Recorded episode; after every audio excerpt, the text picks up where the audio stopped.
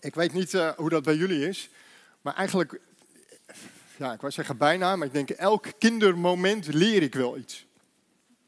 Ik vind het wel interessant. En uh, vanmorgen dacht ik, Esmee die vroeg, weten jullie nog waar het vorige week over ging? Ja, en de, inderdaad, jullie reageerden zo, zo van, nou, ik ben benieuwd, hè? een beetje grappig, een beetje lachen, een beetje... Dus ik denk, ik stel die vraag ook gewoon. Maar, zeker Matthijs, dat had ik verwacht. Wij zijn volwassen. Onze, onze hersenpan volgens de theorie zouden onze hersenen allemaal uitgegroeid moeten zijn. Dus ik maak het moeilijker. Weten jullie nog waar ik het de vorige keer over gehad heb? Oh, echt hè? Wat goed. Hebben jullie het allemaal gehoord? Nee? Iemand anders dan? Het was wel goed. Hè? Iemand uit deze hoek nog? Niet hè? Het is echt wel vier, vier weken geleden of zo. Ik denk dat er al iemand is voor de bloemen, maar anders zouden Eline ze meekrijgen. Die had het goed. God is vrijgevig. We zijn samen onderweg met elkaar. En uh, vanaf januari tot en met Pasen, eind maart, zijn we samen onderweg met God. En staan we stil bij, joh, wie, wie is God nou werkelijk? En het is onmogelijk om in een paar uh, series of in een paar preken uit te leggen wie God is en om stil te staan bij zijn eigenschappen. Ik heb er twee uitge gepikt over God de Vader. Daarna gaan we verder over God de Zoon, God de Geest. En de vorige keer was inderdaad, God is vrijgevig. Het bent begonnen met zo'n denkoefening van, joh, wat nou als we de wereld in tweeën zouden verdelen, hè? In, de, in de nemers en in de gevers. En bij wie, wie zou jij thuis voelen? Zou dat bij de nemers zijn? Zou dat bij de gevers zijn? En eigenlijk geconcludeerd dat God een gever is. En weet je, dat is mooi. Dat is positief. Dat is optimistisch. God is een gever. God is vrijgevig. Dat is fijn om te horen. En als we eerlijk zijn, dan willen we dat ook graag horen. Want het doet iets met ons. Weet je, er is liefde, er is aanvaarding, er is vergeving. God is vrijgevig. En als je hier vanmorgen zit en misschien wel een beetje sceptisch van aard bent, dan zou je zelfs kunnen zeggen, eind goed, al goed. En ze leefde nog lang en gelukkig. Maar weet je, God is niet alleen vrijgevig. En God is zeker niet vrijgevig in de zin van dat alles maar kan of dat alles maar mag. Of vrijgevig in de zin van oh, dat zie ik wel door de vingers. God is ook rechtvaardig. En dat is anders.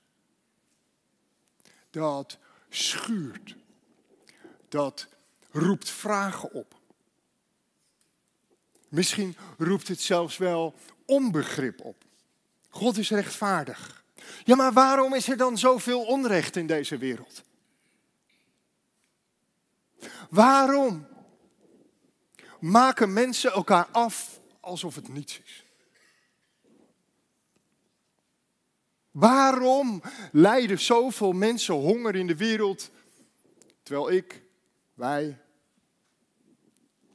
eten weggooien? Of persoonlijk. Waarom komt die ziekte terug? Waarom loopt mijn huwelijk op de klip. Hoe kan het dat mijn kinderen, dat mijn kleinkinderen, die ik toch christelijk heb opgevoed en waar ik toch misschien wel dagelijks voor bid, niets meer doen met het geloof? En dan zeggen we vaak, het is niet eerlijk. Het klopt niet. Het is niet eerlijk. Weet je, iemand die dat ook zei. Oh, dan vergeet ik nou gewoon mijn PowerPoint ook aan te zetten. Ik zit zo in mijn verhaal. Kijk eens. Iemand die dat ook zei, dat was Job. Net voor de psalmen vinden we het boek van Job. 42 hoofdstukken lang lezen we over het verhaal van Job. Of eigenlijk lezen we alleen in de eerste twee hoofdstukken en in de laatste twee hoofdstukken over Job. En al die hoofdstukken daartussenin kun je lezen over de lange toespraken van Jobs zogenaamde vrienden. En we lezen daarin vooral over de enorme aanklacht van Job naar God toe. Het is niet eerlijk. Dat is de korte conclusie van Job. God, het is niet eerlijk. Alles. Alles raakt hij kwijt. Bezittingen, landerijen, vee, huizen. Al zijn kinderen sterven. En hij zelf wordt ziek. En hij zit onder de sferen, en zo staat het beschreven. Hij had een potscherf nodig om zijn sferen te krabben. Het enige wat blijft, het enige wat Job mag houden, ja, dat is zijn vrouw. En die zeurt. Weet je, Job zondigt niet. Job leeft onberispelijk. En toch gebeurt dat allemaal. Toch raakt hij alles kwijt. Het is niet eerlijk. Het is niet eerlijk en Job roept God ter verantwoording. En misschien zouden wij dat ook wel willen doen. God ter verantwoording willen roepen. Onze vragen, onze verwijten, onze teleurstellingen afvuren op God. Onze boosheid kwijt maken, raken bij Hem. God ter verantwoording roepen. Het is niet eerlijk, God. Het klopt niet, God. Hoezo rechtvaardig? En dan vanaf hoofdstuk 38 antwoordt God. Job sleept God eigenlijk in een rechtszaak, waarbij hij in die rechtszaak God ter verantwoording roept. En vanaf hoofdstuk 38 antwoordt God. En God legt niet uit waarom het allemaal gebeurt in het leven van Job. En God legt ook niet uit waartoe het allemaal gebeurt in het leven van Job. zoals wij soms of vaak kunnen zeggen. Ah, het zal wel een reden hebben. God zal er wel een bedoeling mee hebben. Niets van dat alles. God legt niet uit waarom. God legt niet uit waartoe. Nee. Er zijn geen verzachtende omstandigheden die God aandraagt. Geen goede bedoelingen. Geen doekjes voor het bloeden. God geeft geen redenen. God geeft geen uitleg. Gods antwoord bestaat vooral uit vragen. Een hele reeks aan retorische vragen stelt God. Ik heb er een paar uitgehaald. Waar was jij toen ik de aarde grondvest? En deze vind ik mooi. Ken jij de voorraadkamers van de sneeuw? Is jouw arm zo sterk als die van God? Heb jij zo'n donderstem als hij? En Job is perplex. Job is met de stomheid geslagen. En diep van binnen weet Job het antwoord wel. God is, God is zo anders. God is zo groot. God is zo anders dan een mens. God is zo anders dan dat ik ben. God is zo anders dan dat Job is. En begrijp me goed, ik geloof niet, ik geloof absoluut niet dat het God erom te doen is om mensen monddood te maken. Integendeel, God is een God van relaties. God wil in gesprek blijven. God wil steeds weer opnieuw die relatie aangaan. God wil met jou, met ons in gesprek blijven. Maar Gods antwoord, of beter gezegd, Gods vragen aan Job maken wel duidelijk welk enorm verschil er is tussen God en de mens. God is rechtvaardig. En de mens kan hooguit rechtvaardig doen. Of proberen om rechtvaardig te doen. God is rechtvaardig. En dat God rechtvaardig is, laat hij aan het begin van de schepping al zien. In Genesis, direct na de zondeval. Direct na de zondeval in Genesis 3 zoekt hij de mens op. Hij zoekt Adam en Eva op. Die bekende woorden. Adam, waar ben je? Waar zit je? Ik kan je niet vinden. Ik ben zo gewend om met je te praten. Elke avond opnieuw. In de avondkoelte van de, van de hof liepen we samen, wandelden we samen. Was daar die relatie? En Adam, waar ben je? Waar ben je? Waar ben je? God is op zoek naar Adam. En hij zoekt de mens op en hij gaat in gesprek en hij stelt die vragen. Opnieuw is daar weer die relatie. Maar ook daar komt Gods rechtvaardige karakter naar voren. Hij gaat in gesprek, hij is geïnteresseerd, hij wil weten wat erachter zit. Hoe komt het, die zondeval? Hoe komt het wat er gebeurd is? En direct daarna, opnieuw in een soort van setting van een rechtspraak, spreekt God opnieuw recht, spreekt hij hen toe. Spreekt God eerst de slang toe en daarna spreekt hij Eva toe en dan spreekt hij Adam toe ongehoorzaamheid heeft gevolgen. Onrecht wordt aangesproken.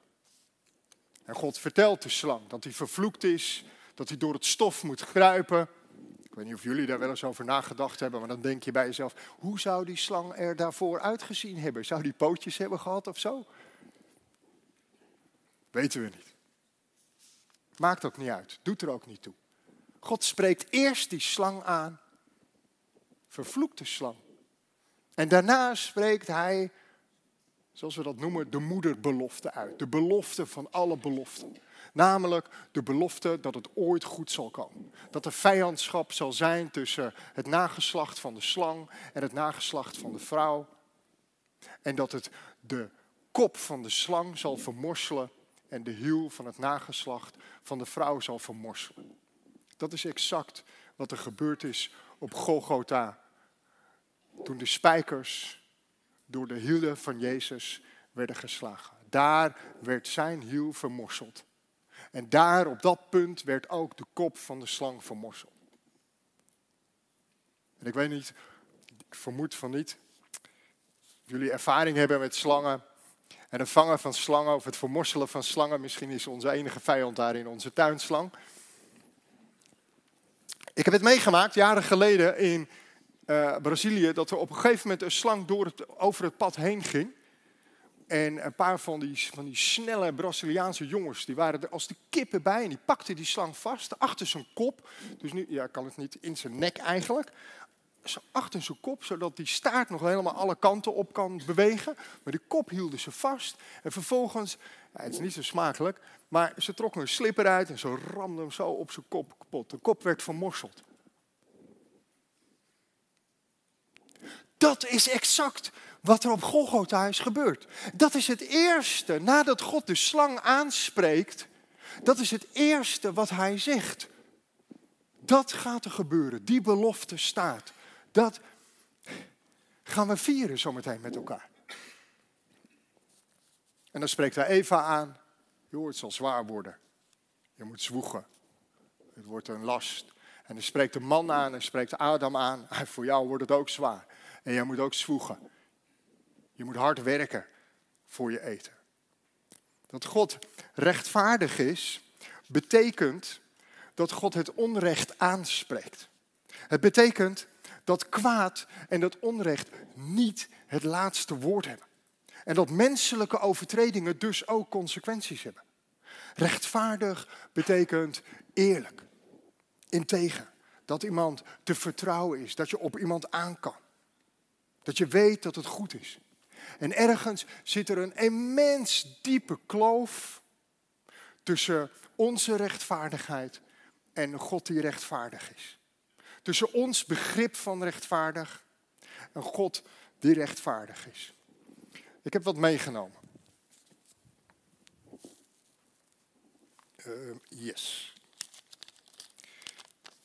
Wie weet wat dit is? Wie weet hoeveel het waard is? Zeg het maar, doe maar harder. 50 euro. Hoppakee, 50 euro. Dat geloof ik graag, maar dat gaat hem niet worden, Louisa.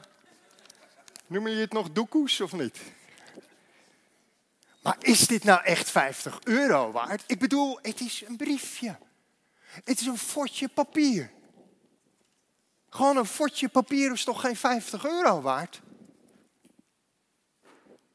Les 1, die ik van economie heb onthouden, ook het enige wat ik van economie heb onthouden. Les 1 was de uitleg tussen intrinsieke waarde en extrinsieke waarde. De extrinsieke waarde is de waarde wat erop staat. Dus het uiterlijke, 50. Dus omdat hier 50 op staat, heeft iedereen zoiets, ja, dat is 50 euro waard.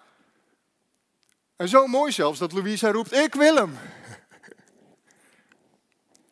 Maar de intrinsieke waarde is gewoon de waarde van dat papiertje. Dat papier is toch geen 50 euro waard?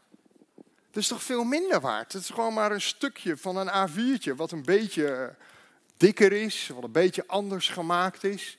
Dus die innerlijke waarde van dat papier, dat is echt geen 50 euro waard. Verschil tussen intrinsiek en extrinsiek. Verschil tussen de innerlijke waarde en tussen de waarde die er van buiten op staat. Weet je, als ik eerlijk ben en ik zou in het paradijs lopen, dan zou ik er geen enkele moeite mee hebben om die slang aan te pakken en om hem aan te spreken. Maar daarna.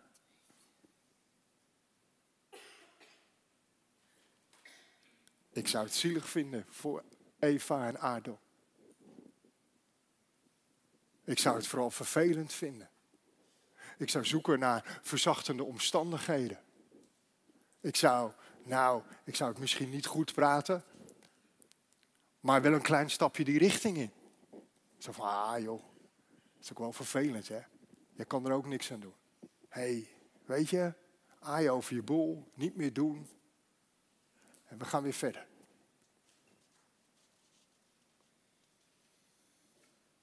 En daarmee zou ik het diepe kwaad en het onrecht niet serieus nemen. En omdat God rechtvaardig is, intrinsiek, van binnenuit rechtvaardig is, spreekt Hij het kwaad aan en spreekt Hij het onrecht aan. En dat is van enorm belang voor diegene die het slachtoffer is van onrecht of van kwaad. En misschien zit je hier vanmorgen wel. Misschien zit je hier vanmorgen wel en ben je slachtoffer van onrecht of van kwaad.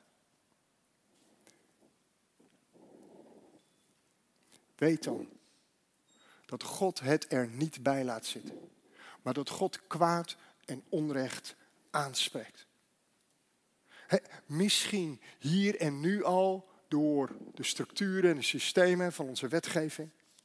Maar zeker, zeker daar en straks, als we allemaal voor God verschijnen. Daar en straks, als God recht spreekt aan het einde van de schepping. Laten we die sprong maken naar openbaring. En die versen gaan we lezen met elkaar. Openbaring hoofdstuk 20. Aan het einde van de schepping. En dan lezen we het volgende. Toen zag ik, dat is Johannes, die heeft een heleboel visioenen, die ziet ontzettend veel. Toen zag ik een grote witte troon en hem die daarop zat. De aarde en de hemel vluchtten van hem weg en verdwenen in het niets. Ik zag de doden, groot en klein, voor de troon staan. Er werden boeken geopend. Toen werd er nog een geopend. Het boek van het leven. De doden werden op grond van wat in de boeken stond geoordeeld naar hun daden. De zee stond de doden die ze in zich had af. En ook de dood en het dodenrijk stonden hun doden af. En iedereen werd geoordeeld naar zijn daden. Toen werden de dood en het dodenrijk in de vuurpoel gegooid. Dit is de tweede dood, de vuurpoel. Wie niet in het boek van het leven bleek te staan, werd in de vuurpoel gegooid. Dit is op zijn minst gezegd spannend. Het is spannend, het is mysterieus, het is misschien ook wel een beetje eng. Misschien roept dit gedeelte wat we net lazen met elkaar wel veel meer vragen op dan dat het antwoord geeft. He, vragen over beelden, over symboliek, over vooral die vraag over de letterlijkheid van de dingen. Hoe zal het allemaal precies gaan? Hoe ziet dat eruit? Misschien, misschien roepen deze vragen, of roept dit gedeelte ook wel een bepaalde angst op. Een bepaalde angst voor God. En hoe dat gaat aan het einde. Weet je, er zijn een heleboel vragen. Ik kan zo twintig vragen verzinnen over dit gedeelte. Waar ik niet zo 1, 2, 3 een antwoord op heb. Of waar ik helemaal geen antwoord op heb. En ik weet niet of het goed is. Maar bij mij werkt het zo. Dat als ik dan zo'n gedeelte lees en herlees. Dat ik me richt op de dingen waar ik wel een antwoord op heb. Op die dingen die eruit springen, die zekerheid geven. En vanuit die dingen waarvan ik wel weet wat het betekent, probeer ik de tekst opnieuw te bekijken.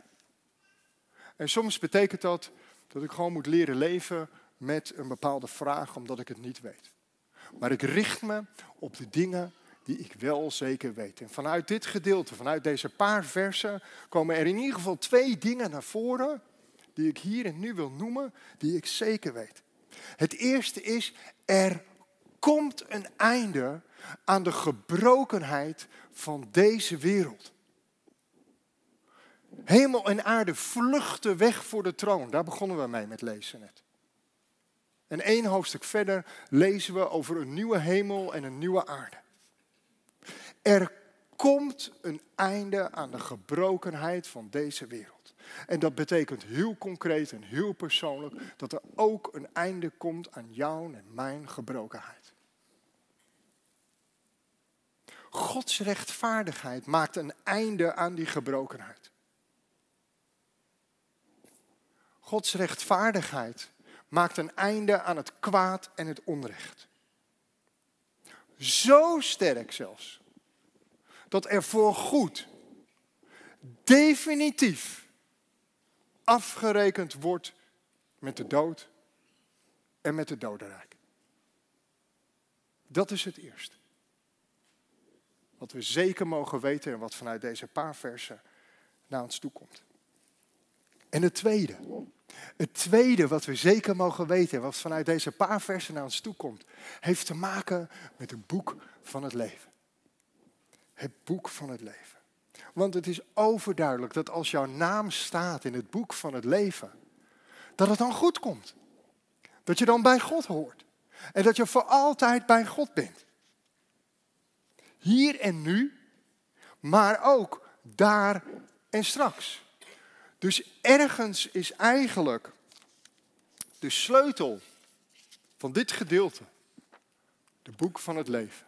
En laat dat iets zien over Gods rechtvaardigheid.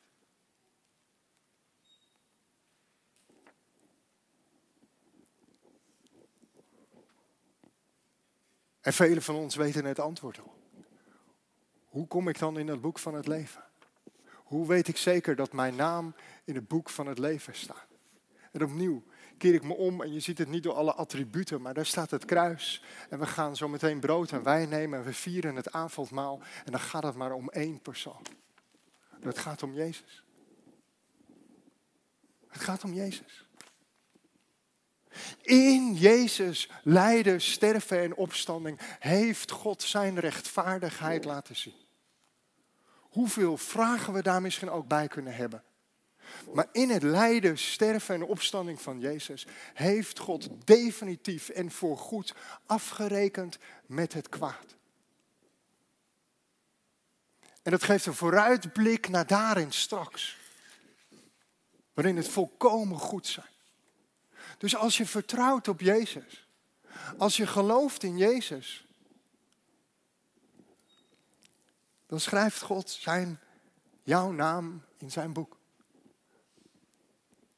Dan schrijft God jouw naam in zijn boek. En weet je, het hoeft niet theatraal. Dat hoeft niet met een hoop omhaal van woorden. Dat hoeft niet met poespas. Ik geloof van harte dat het meer dan genoeg is om alleen maar te zeggen, Heer Jezus, hier ben ik. Ik wil met u verder. En dan begint God te schrijven. Jouw naam in het boek van het leven.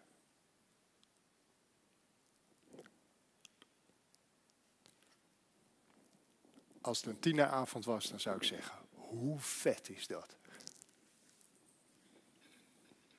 Laten we bidden met elkaar.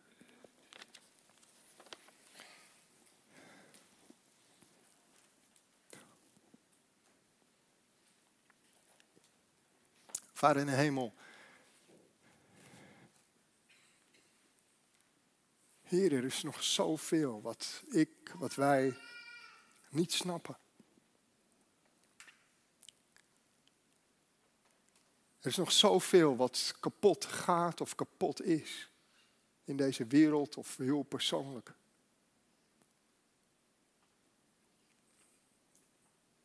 En vader, misschien, misschien willen we wel het liefste bij Job aansluiten. En het u allemaal voor uw voeten gooien.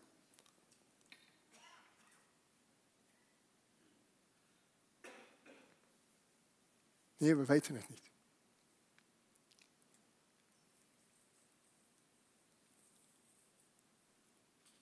Vader, maar ik dank u op dit moment. Voor diegene hier vanmorgen aanwezig of mensen die thuis meekijken. Ik dank u voor diegenen die zeker weten dat een naam staat in het boek van het leven. En vader, ik bid u vanuit het diepst van mijn hart, bid ik u en smeek ik u en vraag ik u voor diegenen die hier aanwezig zijn of meekijken en nog twijfelen. Heer, spreek tot hen. Ontferm u over hen. Overweldig hen met uw liefde, met uw genade, met uw grootheid.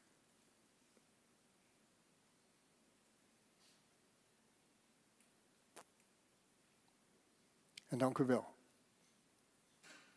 Dank u wel dat u een rechtvaardige vader bent. Dat u trouw bent en trouw blijft tot in alle eeuwigheid. Amen.